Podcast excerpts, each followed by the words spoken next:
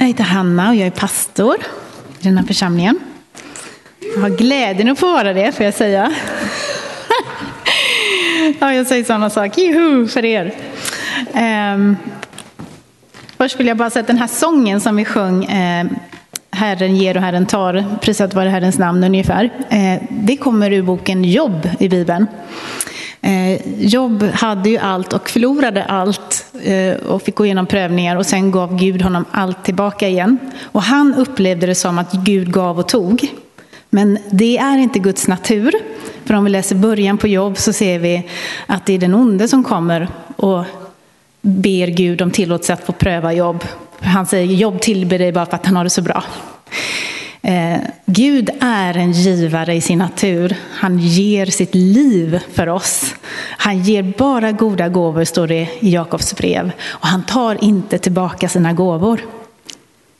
Så jag vill bara klargöra det.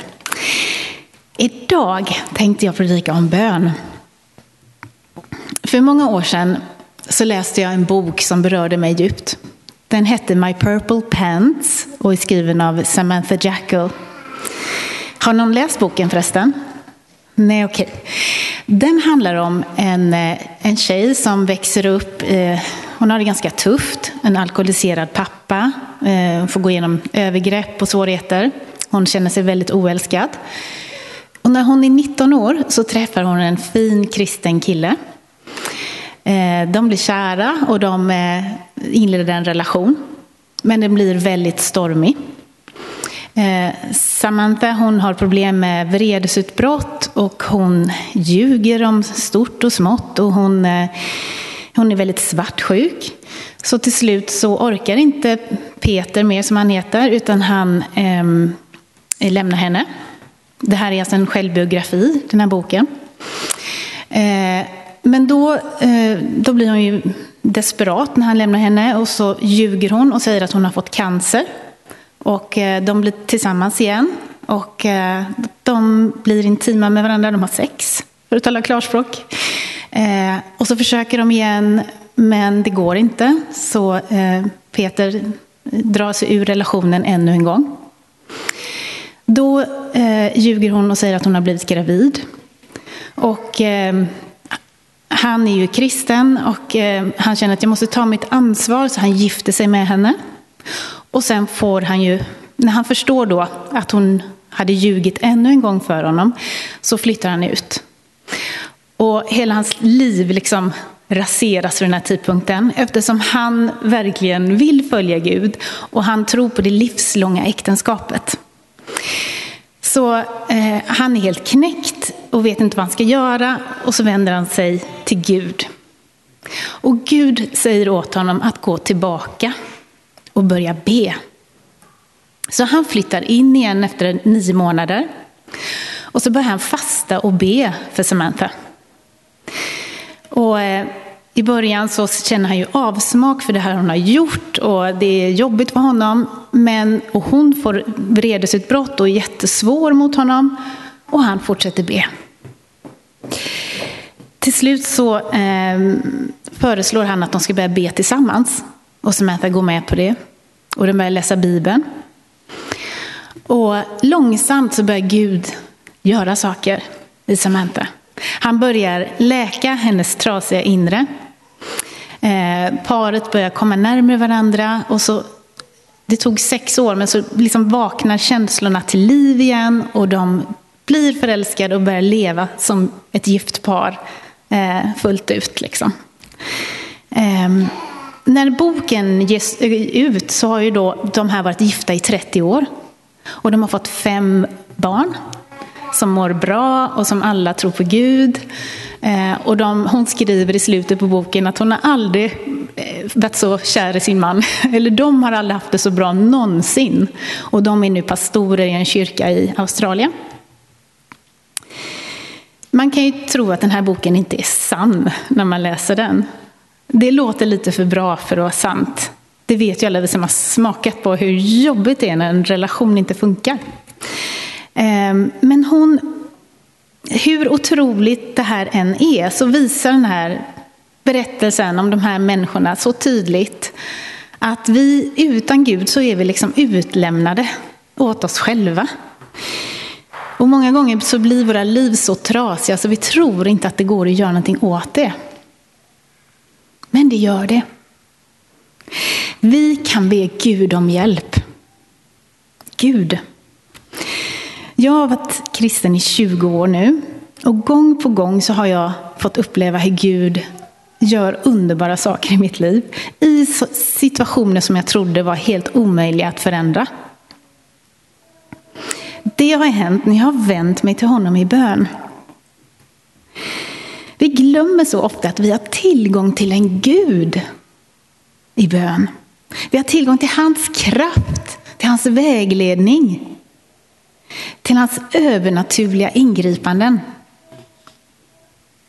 Till hans glädje, till hans frid, till det här välmåendet som man får i hans närhet. Men vad är egentligen grejen med bön? Vad är det som gör att Gud så ofta handlar på olika sätt när vi börjar be? Och varför måste vi överhuvudtaget be? När Jesus säger att Gud redan vet alla våra behov när vi kommer till honom. Han känner oss redan. I Lukas evangeliet kapitel 11, vers 10 så säger Jesus att var och en, alltså alla, var och en som ber, han får.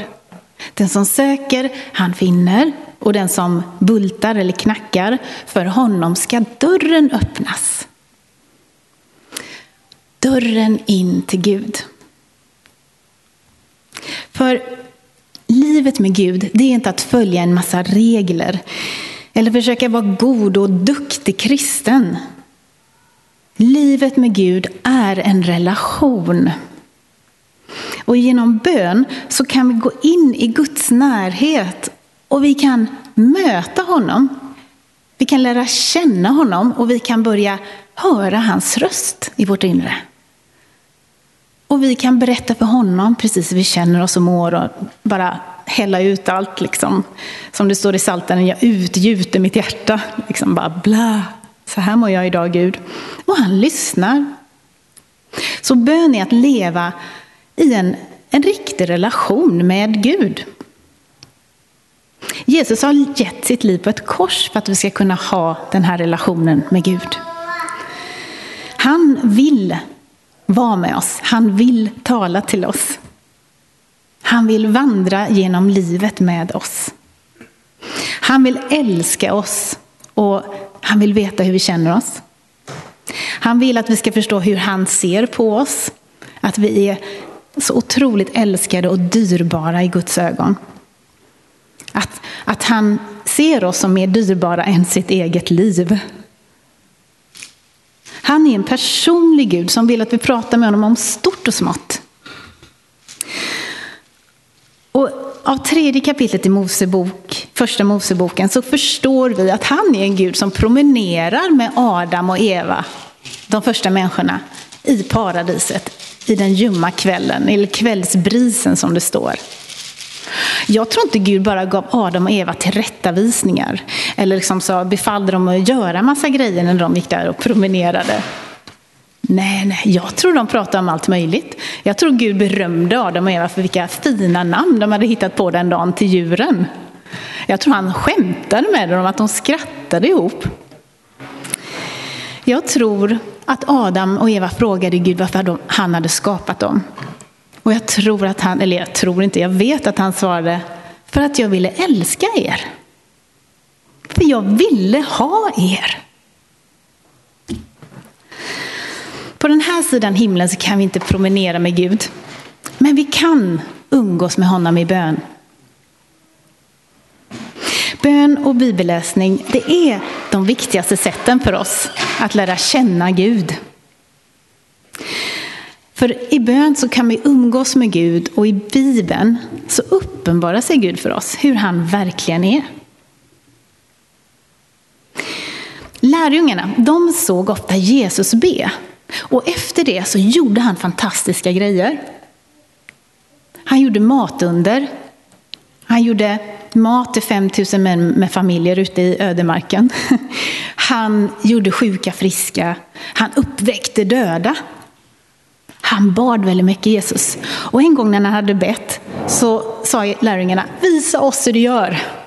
Vi vill också göra allt det där. Kom igen, visa oss. Hur ber du? Varför ber du?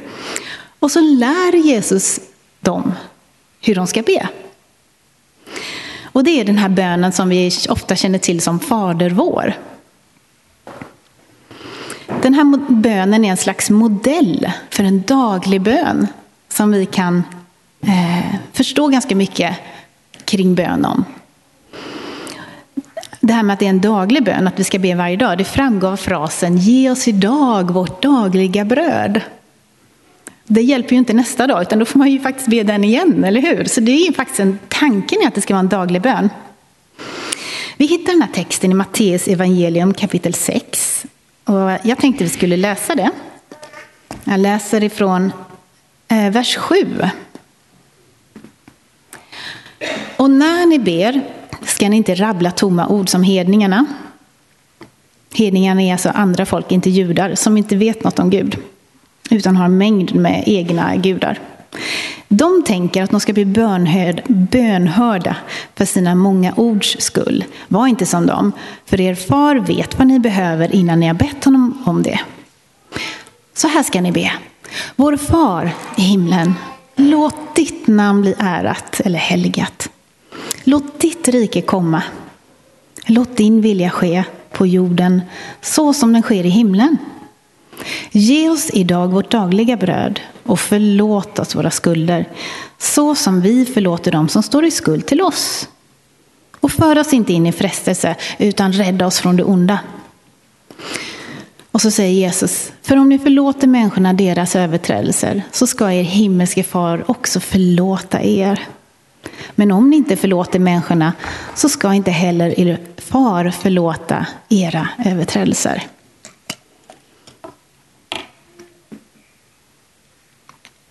Innan Jesus startar själva bönen här så förklarar han vad vår bön inte ska fokusera på. Gud känner ju oss redan och han vet allt vad vi behöver, står det.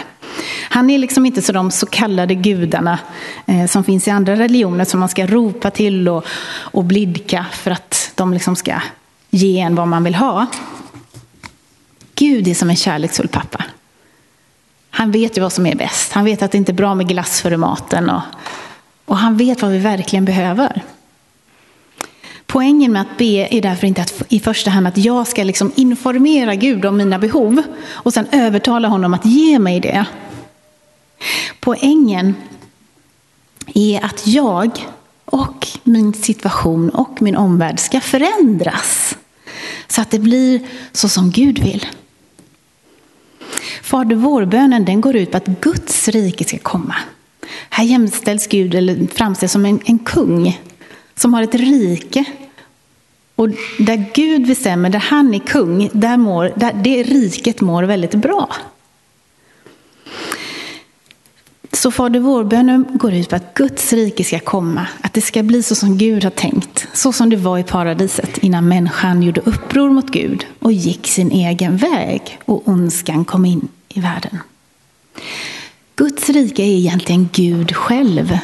Det är allt han är och hur han är och hur han handlar.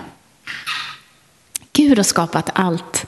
Ingen kan mäta sig med honom i makt och kraft. Samtidigt så är han strålande ren och god. Han kan inte ljuga. Han sviker oss aldrig. Han överger oss aldrig. Han älskar oss så mycket så att han gav sitt eget liv för oss. Ni vet, kristendomen är den enda religionen som har en Gud som ger sitt liv för människorna. Så när vi ber Gud att han ska förhärliga sitt namn och att hans rike ska komma på jorden, in i vårt sammanhang, in i våra familjer, i våra liv, så innebär det att ta ner en bit av Guds himmel till jorden. Här och nu. Redan nu. Ett rike där en underbar Gud och hans goda vilja får råda. Guds rike det är sånt som följde Jesus fotspår. Han gick till människor som var utstötta, som var misslyckade och hjälpte dem att förstå att de kunde få förlåtelse och få en relation med honom. där de var älskade och sedda. En relation Ja, och vad som är ännu mer underbart med den relationen, det är ju att den leder till ett evigt liv. Till ett, ett hopp. Jesus gav sjuka hälsan tillbaka. Han reparerade relationer och upprättade människor som var knäckta. Han fick en sån medkänsla. När han en dag fick syn på en änka som kom ut med ett begravningståg för att begrava sin, sitt enda barn, en son.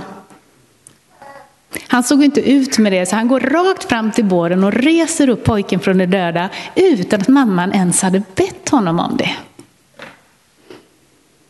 Allt det här är en konsekvens av att Guds rike hade brutit in i världen genom Jesus. Så ser Guds rike ut. Jo, jo, ja, kanske du tänker, men det var ju Jesus. Det var inte så konstigt att det hände kring honom.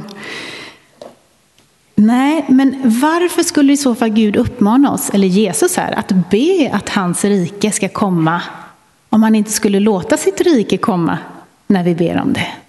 Jag, alltså jag bara frågar. Han säger att vi ska be så. Vi som är lärjungar, vi idag är ju Guds lärjungar, vi som tror. Så när Jesus lär sina lärjungar att be samma sak, att samma sak ska hända där de går fram som där han gick fram. Så betyder det att vi kan göra det och vi kan förvänta oss det. Vi kan be att Guds rike ska komma in i våra hem så att Guds frid lägrar sig där.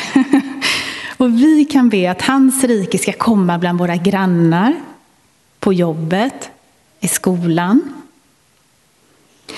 Lite mer konkret så innebär det här att vi kan be för en arbetskamrat som har migrän.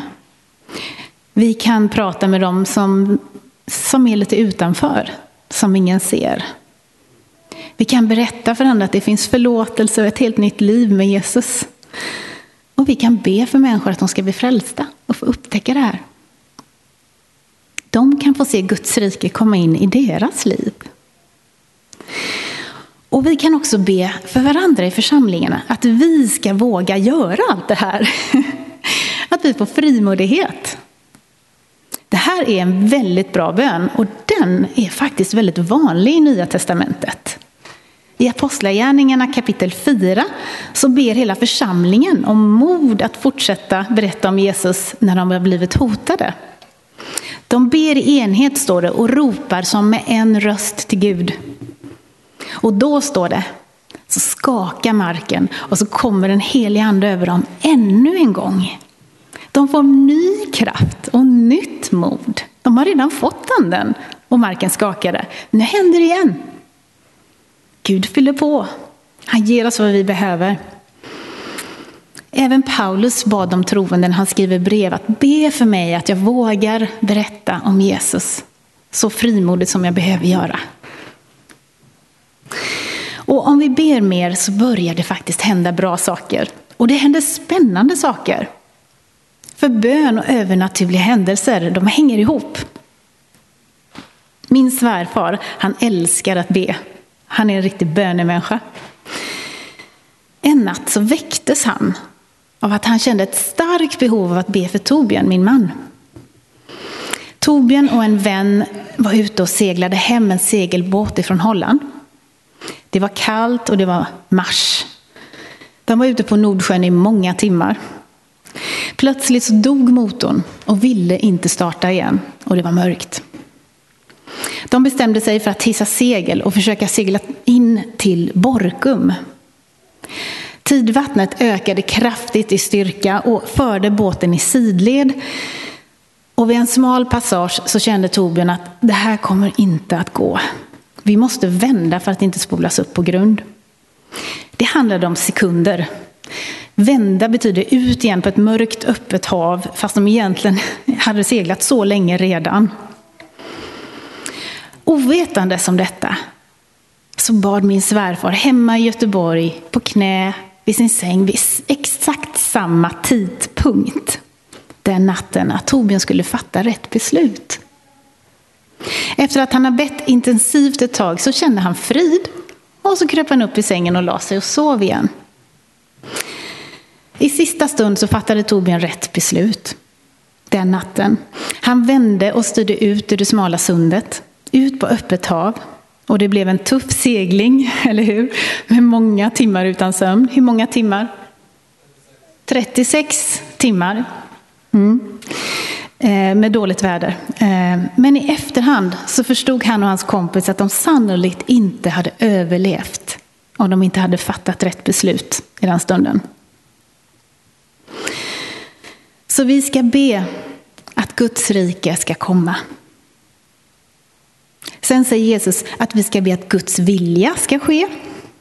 Och alltså inte vår egen.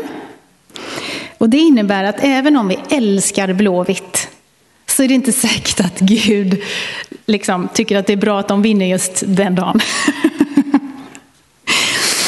Bön är inte en metod för att viska på vad vi vill. Bön är ett sätt att leva i nära relation med Fadern. Tar jag tid med Gud i bön så blir det en relation som fördjupas och som kommer påverka mig. I hans närhet förvandlas jag och hans vilja blir min vilja. Och här närmar vi oss den verkliga poängen med bön. När jag verkligen öppnar mitt liv för Gud och börjar lära känna honom i bön så får jag smaka på Guds enorma godhet.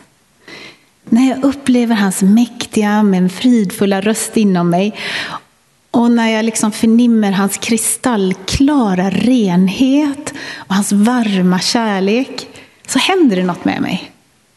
Jag vill bara ha mer av honom och mindre av mig. Jag vill bara se honom handla. För jag vet att det blir så mycket bättre än när jag försöker styra upp allt själv. Så på det här sättet så formas min vilja i Guds närhet. Så att jag i allt större utsträckning är beredd att lägga ner mina egna idéer om hur jag ska leva mitt liv och istället vill göra vad han vill. Guds vilja blir det första för oss när vi ber. Och först därefter så säger Jesus att vi kan be om vårt dagliga bröd. Och det dagliga brödet står ju för våra behov som vi alla har. Han har skapat oss med behov, så han vet att vi behöver allt möjligt. Vi behöver känslomässigt eh, stöd, goda relationer och vi behöver materiella grejer och mat och kläder och allt det här. Det vet han, men det får vi be om. Men först efter vi har fått rätt fokus. Nästa sak som Jesus vill att vi ber om i Fader vår-bönen, det är beskydd från det onda. Det allvarligaste som kan hända oss, det är att vi frestas att ge upp vår tro när livet blir tufft. Vi frestas att lösa vår situation själva och försöker liksom tillfredsställa våra behov på det sätt vi själva tycker är bäst. Men oftast trasslar vi till det när vi gör det. Men livet med Gud, det är mer än omedelbara bönesvar. Ibland behöver Gud verka fram en bättre karaktär i mig innan han kan anförtro mig mera. Och olika goda saker. Ibland så har Gud en annan plan än den jag hade tänkt ut för mitt liv. Som också kommer bli bra och till och med bättre. Och ibland så får vi inte bönesvar utan vi får välja att leva i tillit till Guds kärlek och kraft ändå. I väntan på himlen. För himlen har kommit redan nu, men ännu inte fullt ut. Och därför får vi ibland lida, även fast vi tror på Jesus. Då behöver vi hjälp från honom att bevara oss i tron. Och vår tro på Gud trots lidande, det kan vittna väldigt starkt för andra människor om vilken kärlek som vi ändå upplever att vi får av Gud och det starka hopp som vi har. Sist i bönen så uppmanar Jesus oss att dagligen be Gud om förlåtelse. För synder och felsteg. Och att vara lika förlåtande mot andra. När vi dagligen granskar oss själva så kommer vi bli medvetna om hur mycket vi brister i alla möjliga avseenden. Vi brister i tålamod med våra barn, vi ljuger, vi tränger oss före i kön, vi ger fingret åt folk i trafiken. vi, eh, ja men ni vet allt vi sysslar med liksom. Den här dagliga bönen den hjälper oss att se hur mycket förlåtelse vi själva är i behov av. Och det gör oss mer benägna att förlåta andra när de gör oss illa. Jag är övertygad om att vi skulle få så mycket fler bönesvar om vi bad med rent hjärta och rena motiv. I Jakobs brev kapitel 5 och vers 16 så står det så här. Ah, jag borde haft glasögonen, I know. Jesus, eh, bekänn därför era synder för varandra och be för varandra så att ni blir helade. Den rättfärdiges bön har stor kraft och verkan. Efter att ha lärt ut Fader vår-bönen i Lukas evangeliets variant, för det står ju om den både i Matteus och i Lukas. Efter det så uppmanar Jesus oss även att be uthålligt och oförskämt djärvt, som det står. Vi ska inte ge upp. Precis som Peter bad i flera år för Samantha så ska vi inte ge upp för att ibland beror det inte på oss varför bönesvaret dröjer. Ibland beror det på någon annan. Jesus han bad ofta och en gång så stod det att han bad en hel natt. Han bad en hel natt innan han skulle välja ut sina tolv lärjungar och det var ett väldigt viktigt beslut. Tänk att Jesus behövde be en hel natt. Har ni bett en hel natt någon gång? Är det någon här som har det? Ja, en och annan nickar här. Jag har provat faktiskt. Jag var lite yngre då, lite piggare. Men jag gjorde det. Och man lär sig att be uthålligt. Även om det är lite obekvämt. Och den här natten så insåg jag även hur bra det är att be i tungor. Ni vet det här bönespråket som Gud har gett oss. Som hjälper oss. Det här bönespråket um, kan vi ta till när orden tar slut. För snabbare än jag trodde så hade jag liksom inget mer att säga den här natten. Jag tyckte jag hade ju liksom bett om allt jag kunde komma på.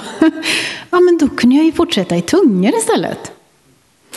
Och när vi ber i tungor så skriver Paulus att det är den heliga ande som hjälper oss att be. Den heliga ande vädjar för oss inför Gud precis så som vi behöver eller andra. Just då. Snacka om effektiv bön.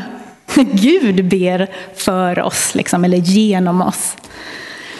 Tungotalet står det, bygger också upp oss. Det bygger upp vår tro, det bygger vår relation till Gud. Och man blir glad av att tala länge i tungor, upptäckte jag. Allt eftersom min bönenatt fortskred så upplevde jag hur Guds närvaro bara blev starkare och starkare. Även fast jag blev tröttare och tröttare. Så be i tungor ofta. Och tro inte att det är för särskilt andliga människor. Nej, det är tvärtom. Tungotalet är ett bevis för hur beroende vi är av Gud. Det är något som vi svaga behöver. Paulus skriver i Romarbrevet kapitel 8 att vi vet inte hur vi ska be, men anden hjälper oss i vår svaghet och han ber för oss så som Gud vill. Så, Jesus lär oss alltså att be. Och anledningen är att Gud verkar genom bön. Bön är ofta det som startar igång det Gud vill göra i vår närhet. För när vi ber så blir vi ju mer mottagliga för att höra Guds röst och vi blir mer beredda att göra hans vilja. Och Gud vill alltid göra underbara saker. Problemet ligger oftast hos oss ifall vi inte upplever att Gud känns nära eller att det inte händer någonting eller sådär. Vi behöver göra oss mer tillgängliga för Gud. Och det händer när vi ber ofta.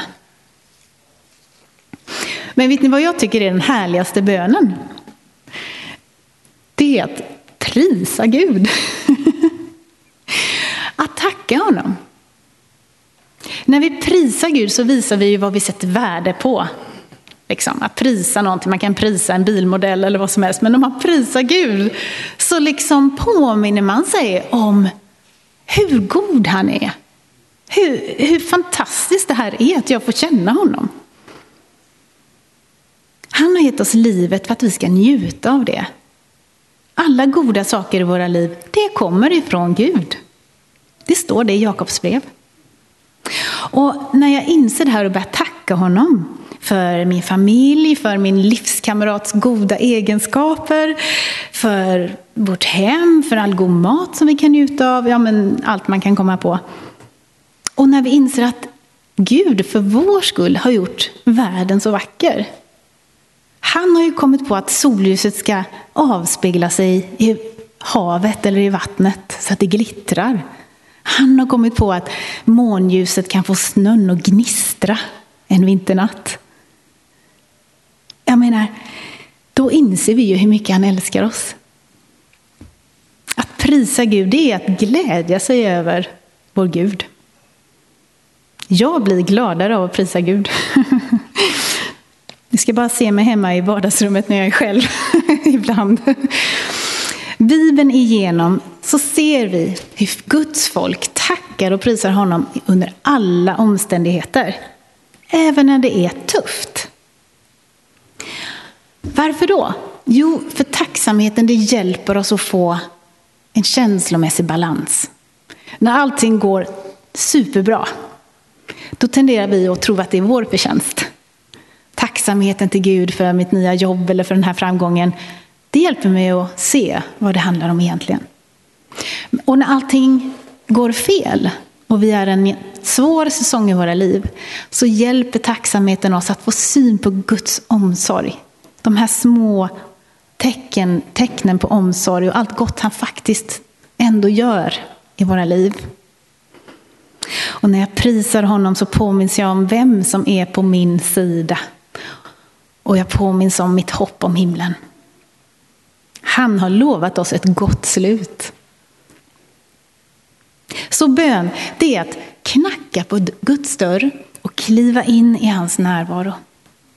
Och där, inför honom, så läks vi. Precis som hustrun Samantha, vi hörde om i början, så förvandlas vi. Och vi blir förändrade till det bättre. Vi blir förälskade i Gud. Och vi vill ha mer av honom. Vi vill se mer av hans rike som är allt Gud gör och allt han är. Hans vilja blir vår vilja. Och då får plötsligt Gud mer manöverutrymme i mitt liv. Om vi ber om något efter hans vilja så får vi också mer bönesvar. Det här är faktiskt en av hemligheterna med bön. I första Johannesbrev 5 och 14 så står det så. Om vi ber om något efter hans vilja så hör han oss. Och om han hör oss så har vi redan fått det vi, vi ber om, står det. Fokuserar vi på det här så lovar Gud att ge oss allt annat vi också behöver. Sök först Guds rike, står det, och hans rättfärdighet, så ska ni få allt det andra också, säger Jesus i Matteus evangeliet. Det kommer kanske inte bli exakt så som jag hade tänkt mig eller trott. Men det kommer bli mycket gott. Precis som att allt som Gud gör är mycket gott. I psalm 145, vers 13 så står det Herren är trofast i allt han säger och kärleksfull i allt han gör. Vänd dig till Gud genom att be. Och jag är ganska så säker på att du kommer bli förvånad över allt som du kommer få se hända i ditt liv. Det kommer förändra saker. Ska vi vända oss till Gud i bön?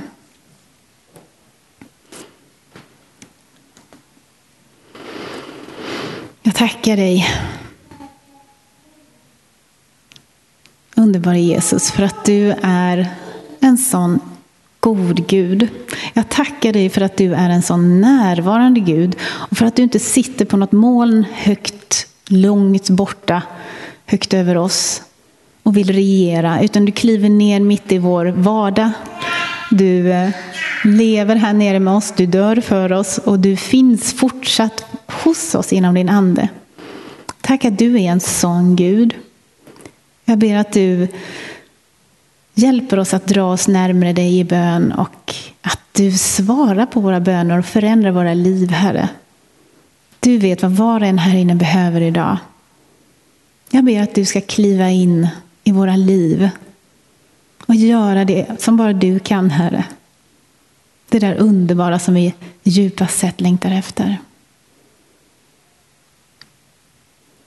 Kom heligande. I Jesu underbara namn. Amen.